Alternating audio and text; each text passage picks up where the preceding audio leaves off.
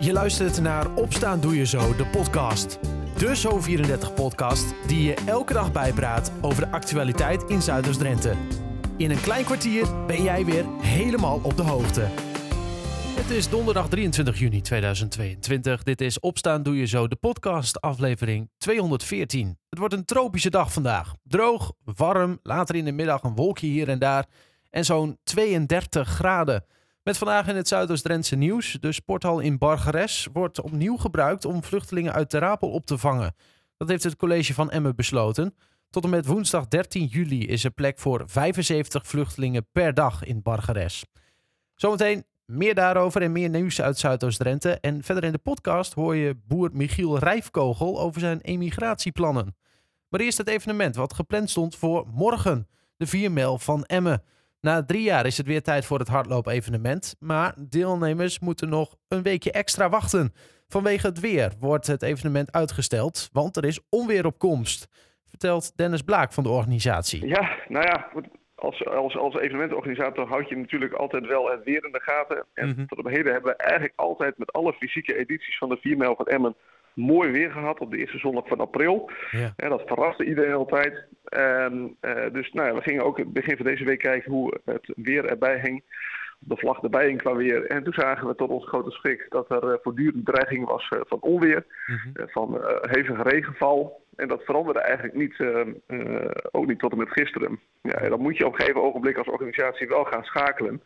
We hebben nauw contact gehad met de gemeente Emmen, met de veiligheidsdiensten, met een aantal toeleveranciers, met onze wedstrijdleiding. Ja. Om te kijken wat verstandig is. Je organiseert natuurlijk iets meer dan een tuinfeestje voor tien mensen. En dan kun je op het aller, aller, allerlaatste moment nog schakelen.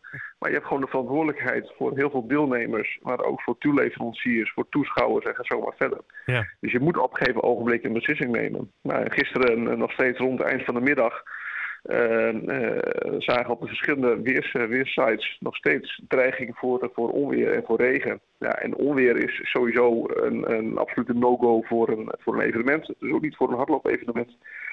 Dus we hebben ehm, ja, moeten besluiten om hem ehm, eh, ja, te cancelen, maar ook meteen door te plaatsen. Want ehm, ja, je moet wel een alternatief gaan bieden. Ja. Eh, en dat hebben we gedaan door het een week later te organiseren. Ja, dus eh, deelnemers hoeven niet al te lang te wachten, want het is eh, letterlijk met precies een week uitgesteld. Dus eh, vrijdagavond 1 juli. Ehm, Ja. ja, hoe makkelijk is dat om het één op één te kopiëren naar een, een week later? Zeker nou ja, nu alles weer een beetje loskomt. Dat lijkt me niet het Ja. makkelijkste opgave. Nee, dat zijn ook wel klussen. Hè? Want dat betekent dat eh, alle toeleveranciers hè, die betrokken zijn eh, bij het evenement eh, van de 4 mijl van Emmen ook moeten contacten of zij überhaupt in staat zijn om ook volgende week hun diensten te leveren. Ja. En ehm, nou ja, dat is eh, ja, misschien met een enkele uitzondering, maar in principe alles wat echt strikt noodzakelijk is voor het evenement, is dat, eh, is dat gewoon gelukt. Dus daar zijn we ontzettend blij mee, ook met de, met de flexibiliteit van onze toeleveranciers. Mhm. En ook niet, niet te vergeten de gemeente Emmen, die ook daar een hele belangrijke rol in heeft gespeeld. Hè, want die moeten ook maar weer de vergunning eh, toekennen voor een week later. Ja. Eh, dus nee, antwoord op je vraag, het is zeker niet makkelijk. Maar goed, we gaan een uitdaging ook niet uit de weg. En eh, het we willen gewoon, eh, eh, gewoon op korte termijn ook een goed alternatief bieden voor, eh, ja, voor onze, onze klant, om maar zo te zeggen. Ja, en dus gewoon de 4 mijl. eh, volgende week dus, 1 juli. Ehm, Laten we daar eens even naar kijken. Want je, zei het net al even tussen neus en lippen door. de zondag in april. Dit is de eerste editie die niet op een zondag is, maar op een vrijdag. Ja, ja, ja onze, onze, ons streven is natuurlijk om dat op de eerste zondag van april te doen. En dat zou ook dit jaar, eh, was ook zeker de, de ambitie. Maar ja, Ja. eh, ik mag je in herinnering brengen dat we twee jaar corona hebben gehad. Hè, waardoor we af en toe weer even stilgezet eh, werden. En eh, door beginnen wij in eh, nou, zeg maar september van een jaar echt met, met volle voorbereidingen voor het evenement. Waarna in eh, oktober of november de inschrijving open gaat. Alleen toen was het eh, in- eh, wat, wat corona betreft nog ontzettend instabiel. Hè, Ja. Heel onzeker. Hè, dus je kunt al een inschrijving open doen, maar ja, dan zal de gemiddelde deelnemer ook denken van ja joh, ik weet niet waar jullie mee bezig zijn, maar het is nog corona. en dus april was voor ons niet haalbaar. Maar goed, we wilden toch heel graag dit jaar een fysieke editie van de 4 mijl van Emmen organiseren. En toen kwamen we eh, ja, wederom in dat nauwe overleg met de gemeente Emmen tot een, een vrijdagavond in juni. Hè, wat eh, ja, niet in principe onze dag is. Ehm, ehm, maar ja, nogmaals, we willen toch graag een fysieke editie organiseren. En zo kwamen we eigenlijk op die vrijdagavond. Maar het is zeker de intentie om de eerstvolgende editie Oh. weer op de, op de vertrouwde zondag 1 april eh, te organiseren. Ik was al in de Ja. war. Ik vond het al zo raar. Ik sterk nog, ik, had, eh, ik heb hier twee weken geleden nog een discussie met iemand over gehad. Ik zei, nee, ik weet zeker, het is altijd op een zondag geweest. Maar dat is Ja. goed, goed om nu te weten. Ehm, Oké, Ja. dus eh, dan gewoon weer op een zondag nu, dus die vrijdagavonden. Want je zei het al, een fysieke editie. Want eh, de afgelopen twee, drie jaar eh, hebben jullie nou ja, wel eigenlijk een soort van georganiseerd. Maar het waren allemaal soort alternatieve versies, hè? Gewoon thuis Ja. of zo? Of, eh, Ja, dat werd dan populair zo'n home edition genoemd. Eh, waardoor mensen toch wel konden lopen. En er was ook zeker tijdregistratie en, eh, en een medaille, en zelfs een startnummer. ja. Ja, daar gaat natuurlijk niks boven een, een, een, een echte ouderwetse fysieke editie. En dat is ook, ja, dat is drie jaar geleden. Ja, als we, als we Ja. volgende week aan de start staan, is het drie jaar geleden. En dat lijkt een eeuwigheid geleden. En eh, daarom hadden we ook ontzettend veel zin in om het voor morgenavond te doen. Maar ja, goed, dat is, eh, dat is geschiedenis. En we gaan er van volgende week vrijdagavond een eh, gigantisch mooi hardloopfeest van maken. En wat is nou eh, de charme van een 4 mijl eigenlijk? Want eh, onder hardlopers schijnt dat toch wel een beetje een ding te zijn, toch? Waar dan Dat ook. je. Ik zei, onder hardlopers is een 4 mijl toch altijd wel een beetje een ding. Wat is nou precies de charme daarvan? Van die afstand? Ja, ik denk dat, dat de charme is dat, dat zelfs als je niet een geoefende hardloper bent, en dat je als je je twee of drie maandjes kwaad maakt, dan kun je hem ook lopen. En dan loop je misschien geen toptijd, maar dan kun je hem wel lopen. Als je een 10 kilometer is al snel echt een hele flinke uitdaging voor mensen. Ja. En, eh, en ja, je kunt op, op zo'n 4 mijl ook echt wel stuk gaan. En er zijn ook genoeg hardlopers die zeggen, joh, ik loop elke week dan maar 5 kilometertje. En dan doe ik even zo'n 4 mijl en dan ga ik volle bak. Ja, dat valt vaak toch wel tegen.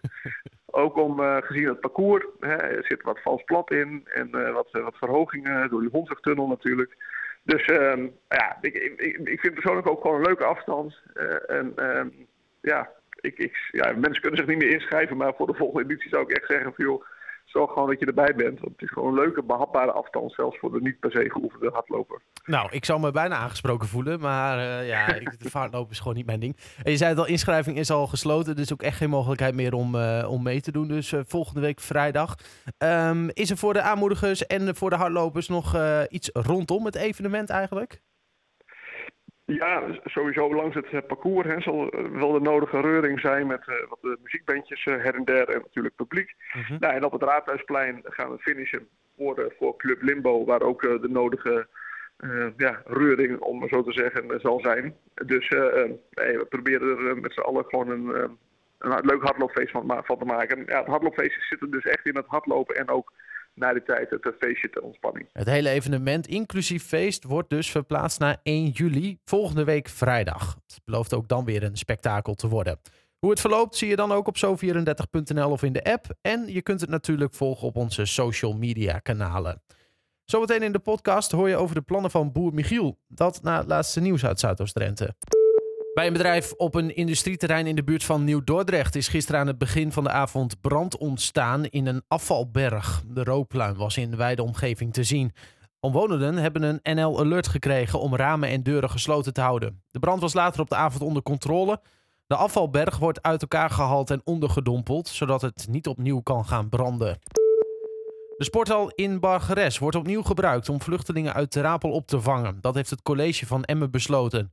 De doorstroom in het aanmeldcentrum Ter Apel gaat al maanden stroef en stelselmatig slapen vluchtelingen op een stoel of in een tent. De gemeente pleit al langer voor een structurele oplossing en komt nu met een handreiking. Het gaat om een tijdelijke maatregel, schrijft burgemeester Erik van Oosterhout in een brief aan de omwonenden. Tot en met woensdag 13 juli is er plek voor 75 vluchtelingen per dag in Bargeres. Bauke Mollema en Ellen van Dijk hebben zich gisteren in Emmen gekroond tot Nederlands kampioen tijdrijden.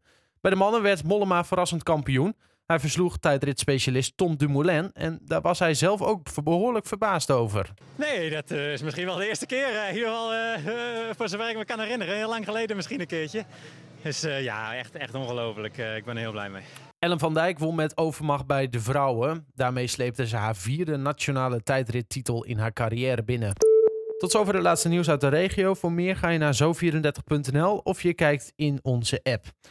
Het stof is neergedaald in Stroe na de boerenprotesten van gisteren. Vanuit Nieuwlanden, op de grens tussen Hogeveen en Koevoorde, keek melkveehouder Michiel Rijfkogel met een schuin oog naar zijn tienduizenden collega's. Hij steunt de acties van harte, maar heeft ondertussen zelf al een keuze gemaakt. Hij verlaat Nederland. Hij is zo klaar met het beleid dat hij zijn hel zoekt in het buitenland, vertelt hij bij verslaggever Ronald Oosting. Het nieuwe avontuur van Rijfkogel en zijn gezin moet ze uiteindelijk hier brengen, in Canada. En waarom Canada? Eh, de ruimte. De ruimte, de duidelijkheid in regels. Ja, dat is voor ons vooral de drive om daarheen te gaan. In Canada hoopt de jonge boer alles te vinden wat hij naar eigen zeggen in Nederland mist. Dat je totaal niet weet waar je aan toe bent. Je hebt geen duidelijkheid. Je kunt nergens naartoe werken en je zegt van nou, als je dit doet, dan ben je klaar voor de toekomst. Ja, dat zeggen ze nu, maar dat kan een paar jaar weer anders zijn. En er is niemand die zegt van nou, je maakt die kosten, dan betalen wij dat voor jou. Nee, zie maar hoe als je doet, maar je moet het wel doen. En is het dan niet uh, de overheid, dan komt de melkfabriek weer met gekkigheid. De NZO en het blijft maar bezig hier, het is toch nooit goed. En ik zeg, nou, ben er klaar mee, ik ben nog jong. Dan ga ik wel eens zien wat wakker. Ik heb het idee dat je een heel rooskleurig beeld hebt van Canada. Dat jullie daar met open armen ontvangen worden. Uh, weet je dat ook echt zeker, dat het daar zo is? Is daar alles beter? Ja, natuurlijk. Alles beter. Overal is wat, hè. overal laat je wat. Maar de algemene tendens is daar beter. We zijn er ook geweest en als je daar met mensen praat, dan ben ze gewoon blij met hoe dat je dat boer wilt weten. Zij hebben het voedsel ook nodig. En de Canadees koopt in principe ook alleen maar producten uit Canada als ze de kans hebben. Ja, en hier gaat de consument voor het goedkoopste. Dat maakt ze niet zoveel uit wat wegkomt. Maar een Canadees is echt trots op eigen product. Die wil zuivel of noem maar op uit land eten. Het roer om en alles achterlaten voor een nieuwe toekomst. Voor sommigen rigoureus, maar iets anders doen dan boeren is voor Rijfkogel absoluut geen optie. Nee. Nee, mijn vader en moeder zijn destijds hier naartoe verhuisd vanuit uh, Overijssel, zeg maar. Die moesten daar weg. Dat was in 1995. En dat hebben ze toen al gedaan, omdat ik eigenlijk zei van, joh, ik wil later boer worden. Toen van, nou, mijn vader die werkt ook nog buiten de deur. Die heeft toen gezegd, van, ik stop met werk, we gaan boeren in Drenthe. Nou, en dat zit erin en dat, dat gaat er ook niet uit. Nee, boeren is mijn lust en mijn leven. Dus iets anders wil je echt niet? Nee, nee, nee, nee, nee, nee, nee. nee. Ik moet s'morgens wakker worden en ik moet gewoon, ik denk van, oh, ik kan weer naar de koeien, klaar. Ja, dat maakt, dat maakt het mooi. Dat is mijn leven. Al dus boer Michiel Rijfkogel. Voor hem is de keuze duidelijk. Hij vertrekt binnenkort naar Canada. Daar zijn boerenbedrijf voor de ver... om daar zijn boerenbedrijf voor te zetten. Je hoorde hem in gesprek met verslaggever Ronald Oosting. Tot zover Opstaan Doe Je Zo, de podcast van donderdag 23 juni 2022. Een fijne dag en tot morgen.